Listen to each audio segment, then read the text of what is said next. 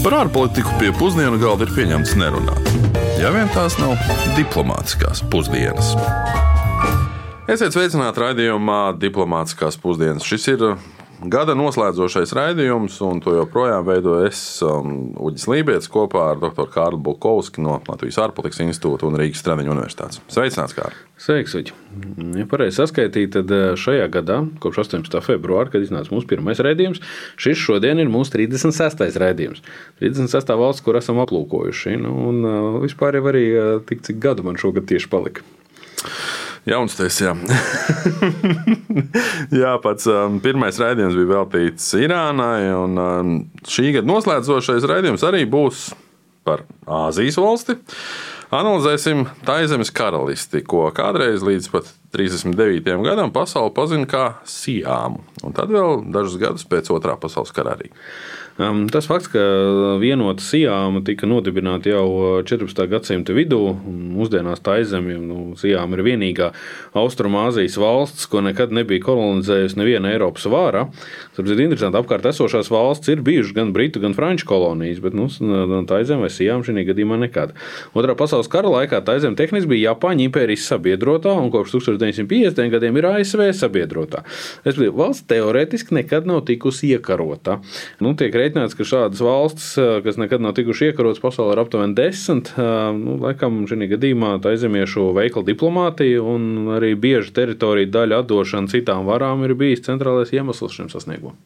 Jā, tāda nu ir šīs valsts simtu gadus ilgā diplomātiskā vēsture īsā apkopojumā. Un, vēl tikai atliek pieminēt, ka valsts savā ilgajā vēsturē ir uh, staigājusi, ja tā var teikt, starp dažādiem politiskiem režīmiem, starp demokrātiju, militāro diktatūru, vienlaicīgi joprojām esot monarhija. Mm.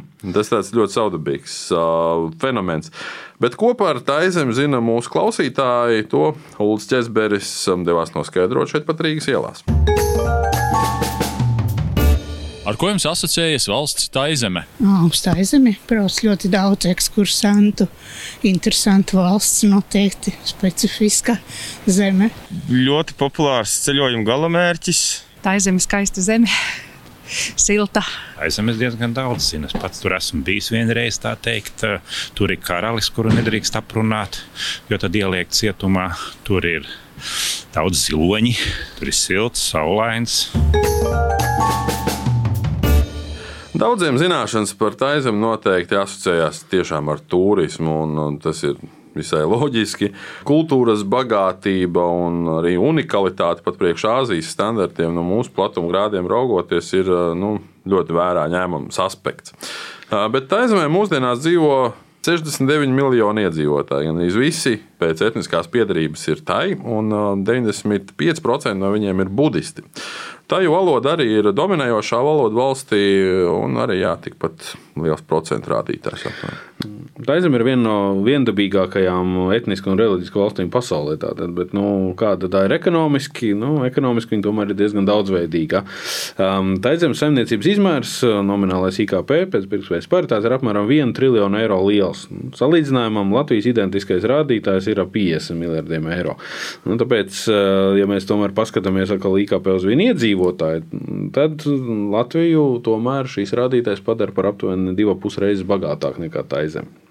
Tajā taizemē ir brīvā tirgus ekonomika, un tā ir vērsta uz ārvalstu investīciju veicināšanu, un valsts ir arī ļoti atkarīga no starptautiskās tirzniecības. Un, jo preču eksports veido nu, aptuveni divas trešdaļas no IKP. Un šeit ir interesants salīdzinājums. Rūpniecība un pakalpojumu nozare kopumā veido aptuveni 90% no IKP, bet lauksaimniecība kas galvenokārt sastāv no dažādām sīksaimniecībām. Tie ir tikai 8% no IKP. Bet Šī sfēra nodarbina aptuveni vienu trešdaļu no visu valsts darba spēka. Mm. Un, jā, un tā izem vienlaicīgi arī regulāri piesaista miljoniem viestrādnieku no kaimiņu valstīm. Piemēram, mums iepriekš minētās arī Jānis Nesen. Tā pašā laikā Taizem skaitās arī viena no trim pasaulē pašām nevienlīdzīgākajām valstīm un sabiedrībām. Jo pirms pāris gadiem Credit Suisse banka esot aprēķinājusi, ka nevienlīdzīgāks ienākumu un īpašumu sadalījums pasaulē vēl ir tikai Indijā un Krievijā.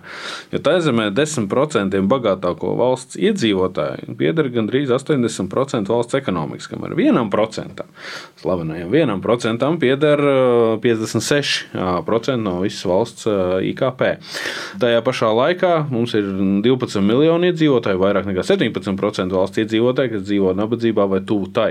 Šis liek arī pievērsties kādai nedaudz īpatnējai praksē, ar ko tā izzeme arī ir nu, slavena, vai pareizāk sakot, būtu bēdīgi slavena visā pasaulē. Proti, uh, turisms veido apmēram 6% valsts ekonomikas, bet pēc pasaules ceļojuma un turisma padomus datiem tā zeme ir piektais lielākais medicīnas turisma galamērķis, un apmēram 90% no šiem turistiem brauc tieši, lai veiktu dzimuma maiņas operācijas.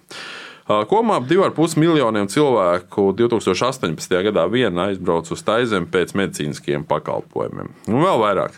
Prostitūcija un seksa turisms ir daļa no valsts turisma industrijas, un tiek mm. rēķināts, ka tie ir aptuveni 10% no naudas, kas ienāk turismā, tie, nu, kas ir tieši ar seksuālo pakalpojumu sniegšanu saistīti.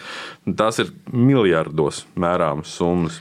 Rezumējot, um, Taizemes ekonomika ilgtermiņā apdraud augstie mājsaimniecību uzkrātie parādi, kas ierobežo ekonomiskās aktivitātes iespējas, um, iedzīvotāju novecošanās, arī tāpat daudzās citās Austrumāzijas un uh, Dienvidu Austrumāzijas valstīs, jo dzimstība ir tuva nulē, uh, un jau minētā nevienlīdzība, kā arī politiskās nestabilitātes. Nu, proti, tieši biežās režīma maiņas, protesti un politiskās nekārtības ir tas, kas uh, nestimulē ilgtermiņa ārvalstu investīciju ienākšanu valstī. Ir gan valstī arī stabilitāte stabilitātes elementi, un par tādu varētu uzskatīt arī iepriekš jau minēto monarhiju. Tā piemēram, karalis Bumibols Aduljadejs valdīja 70 gadus un 126 dienas.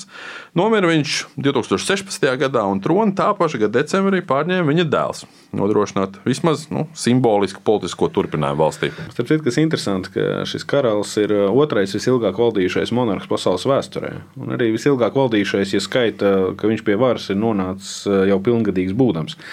Visilgāk valdījušais, kas ir 72 gadus un 110 dienas, ir neviens cits kā Lūsis 14. Uzmēs Francijas saules karalis 16. un 17. gadsimtā. Kā jau mēs raidījuma sākumā minējām, tad uh, taizemē režīmi politiskie ir mainījušies visai bieži, un arī pēdējais uh, ir nu, pie varas ir nākusi militārā vadība, faktiski valsts apvērsuma laikā. Taču monarhija vienmēr ir palikusi, un monarhijas kritizēšana ir oficiāli aizliegta ar likumu. Taču šis tāds tabū ir nu, pārkāpts jau pēdējos pāris gadus, kad visai skaļi ir kļuvuši sabiedrības protesti, kas nav nu, visai, varētu teikt, tādi organizēti.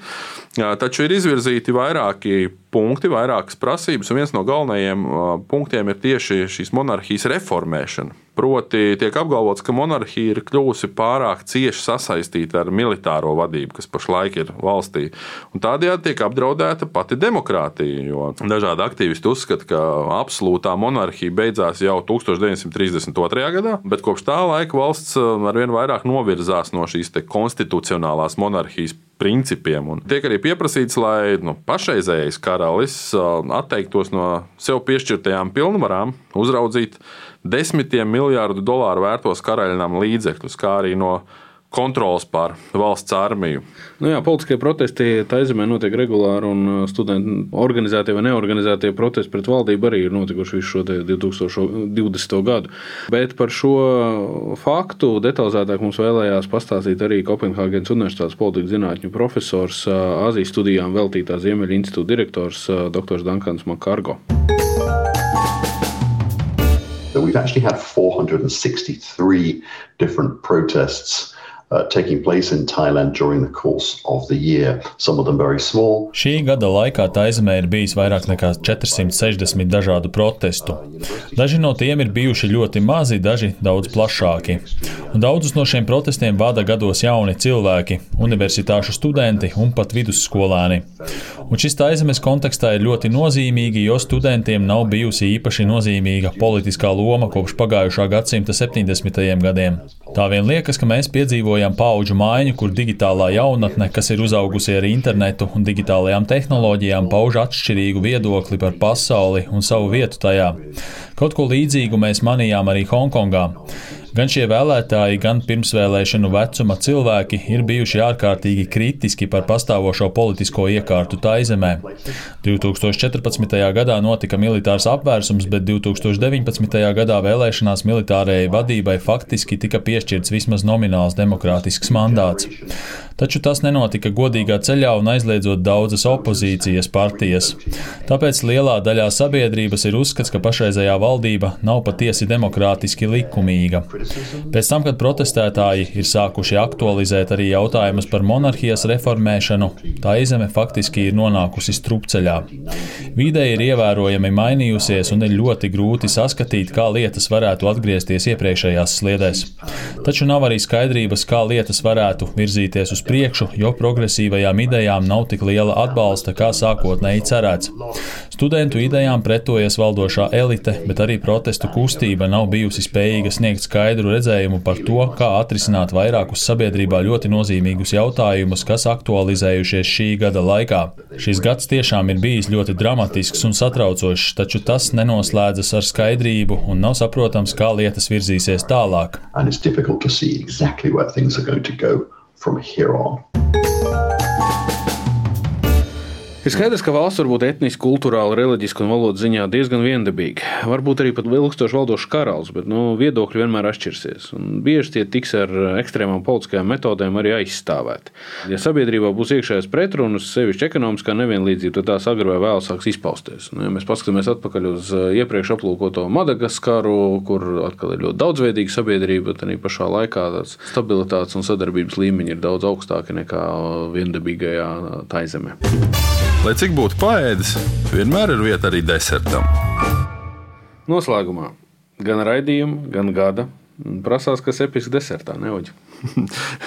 par episkumu varbūt gribētos nedaudz, ja jau mēs runājām par monarhiju, tad sākšu par monarhiju. Ka, nu, šis 2020. gads daudziem ieies um, atmiņā ar ar, ar, ar Covid-19 pandēmiju un cīņu pret šo pandēmiju.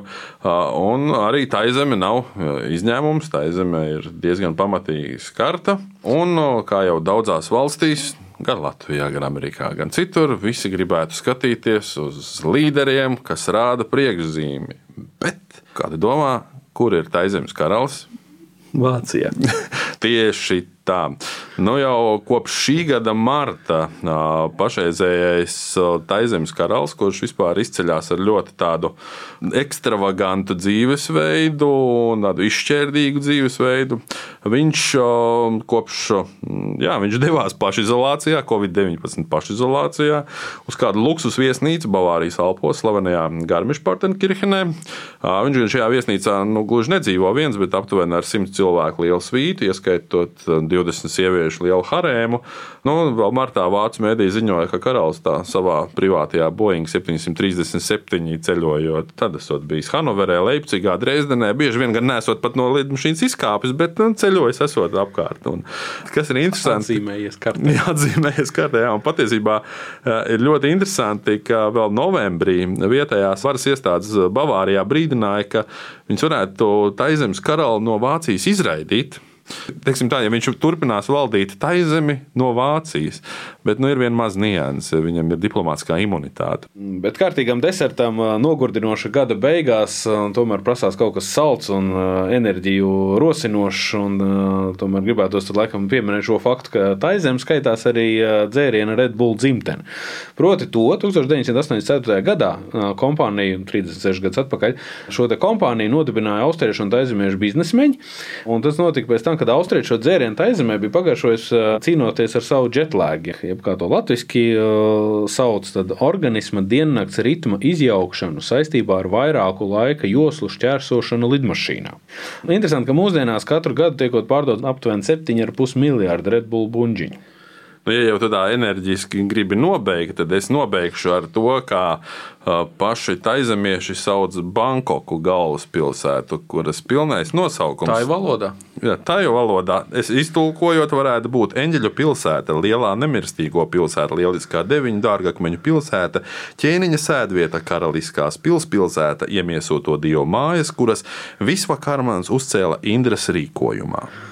Nu jā, šī uh, episkā nosaukuma arī noslēdzam šodienas raidījumu. Un, uh, nākamā gada pirmajā raidījumā, kā reiz uh, sen neesam arī bijuši Ziemeļamerikas tūmā, tādēļ dosimies uz uh, Uģi Tevis uh, reiz apmeklētajām Bermudu salām. Atgādināšu vēl, ka mūsu raidījumu jums piemērotajā laikā varat klausīties savos iecienītajos podkāstos, Spotify, Apple un Google podkāstos, kā arī, protams, Latvijas radio viens mājaslapā sadaļā diplomātiskās pusdienas. Nu, arī vienkārši iegūlējiet diplomātiskās pusdienas un viss kļūs redzams. Lai izdodas! Lai jums visiem jauks un patīkams nākamais 2021. gads, un turpiniet klausīties diplomātiskās pusdienas. Uz sadzirdēšanos! Diplomātiskās pusdienas katru otrdienu pusdienos Latvijas Radio 1.